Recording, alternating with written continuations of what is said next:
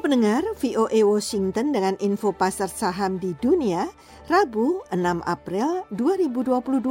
Saya Puspita Sariwati. Pasar saham di Amerika ditutup turun. Indeks Dow Jones turun 279,5 poin menjadi 34.641. Standard Poor turun 57 menjadi 4.525 dan Nasdaq turun 328 menjadi 14.204. Di Eropa, harga saham ditutup beragam. Indeks Financial Times London naik 54,8 menjadi 7.613 DAX Jerman turun 93,8 menjadi 14.424 dan CAC Paris turun 85,8 poin menjadi 6.645.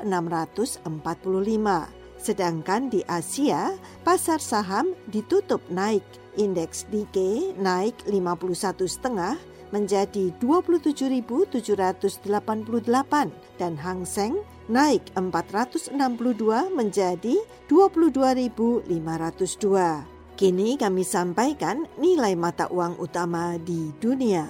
1 euro sama dengan 1,09 dolar. 1 pound sterling Inggris sama dengan 1,30 dolar. 1 dolar sama dengan 123,6 yen Jepang dan menurut catatan Bloomberg, 1 dolar sama dengan 14.347 rupiah. Berikut kami sampaikan harga-harga komoditi di pasar New York. Minyak mentah turun 2,8 sen menjadi 104,7 dolar per barel. Harga emas turun hampir 12 poin menjadi 1920 per troy ounce beralih ke hasil-hasil pertanian. Biji coklat turun 24 dolar menjadi 2.589 per ton dan harga kopi naik kurang dari 1 sen menjadi 2 dolar 31 sen per pon. Demikian pendengar info pasar saham dan komoditi di pasar New York. Sebentar lagi kami sampaikan info ekonomi dan bisnis. Puspita Sariwati, VOA, Washington.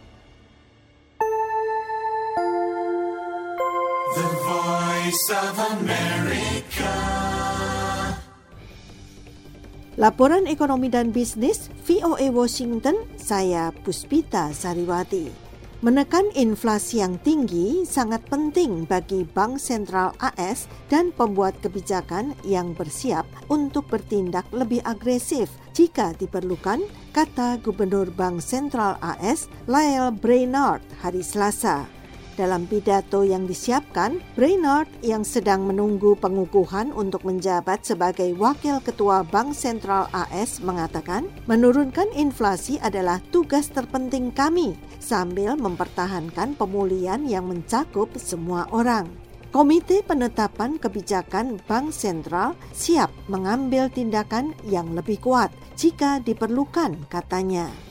Sementara itu, ekspor AS lebih besar daripada impor pada Februari, meskipun defisit perdagangan pada dasarnya tidak naik menurut data pemerintah AS hari Selasa. Namun pengamat memperingatkan dampak perang di Ukraina akan merugikan. Departemen Perdagangan AS melaporkan defisit perdagangan turun sedikit yaitu 0,1 persen menjadi 89,2 miliar dolar, turun dari perkiraan yang lebih besar pada Februari. Namun masih dalam tingkat terbesar kedua dalam sejarah setelah rekor tertinggi Januari. Ekspor naik 1,8 persen menjadi 228,6 miliar dolar dan impor naik 1,3 persen menjadi 317,8 miliar dolar. Beralih ke pameran buah-buahan di Berlin.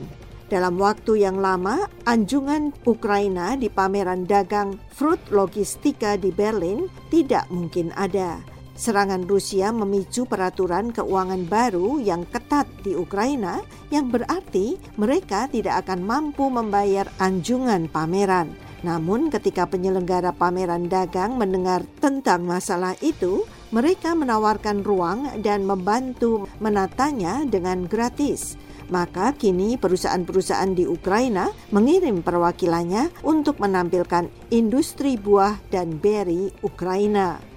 Angelina Vinohradova dan Alisa Sepelyeva mewakili Danube Agrarian, perusahaan buah dan sayuran yang terletak di Ukraina Barat Daya.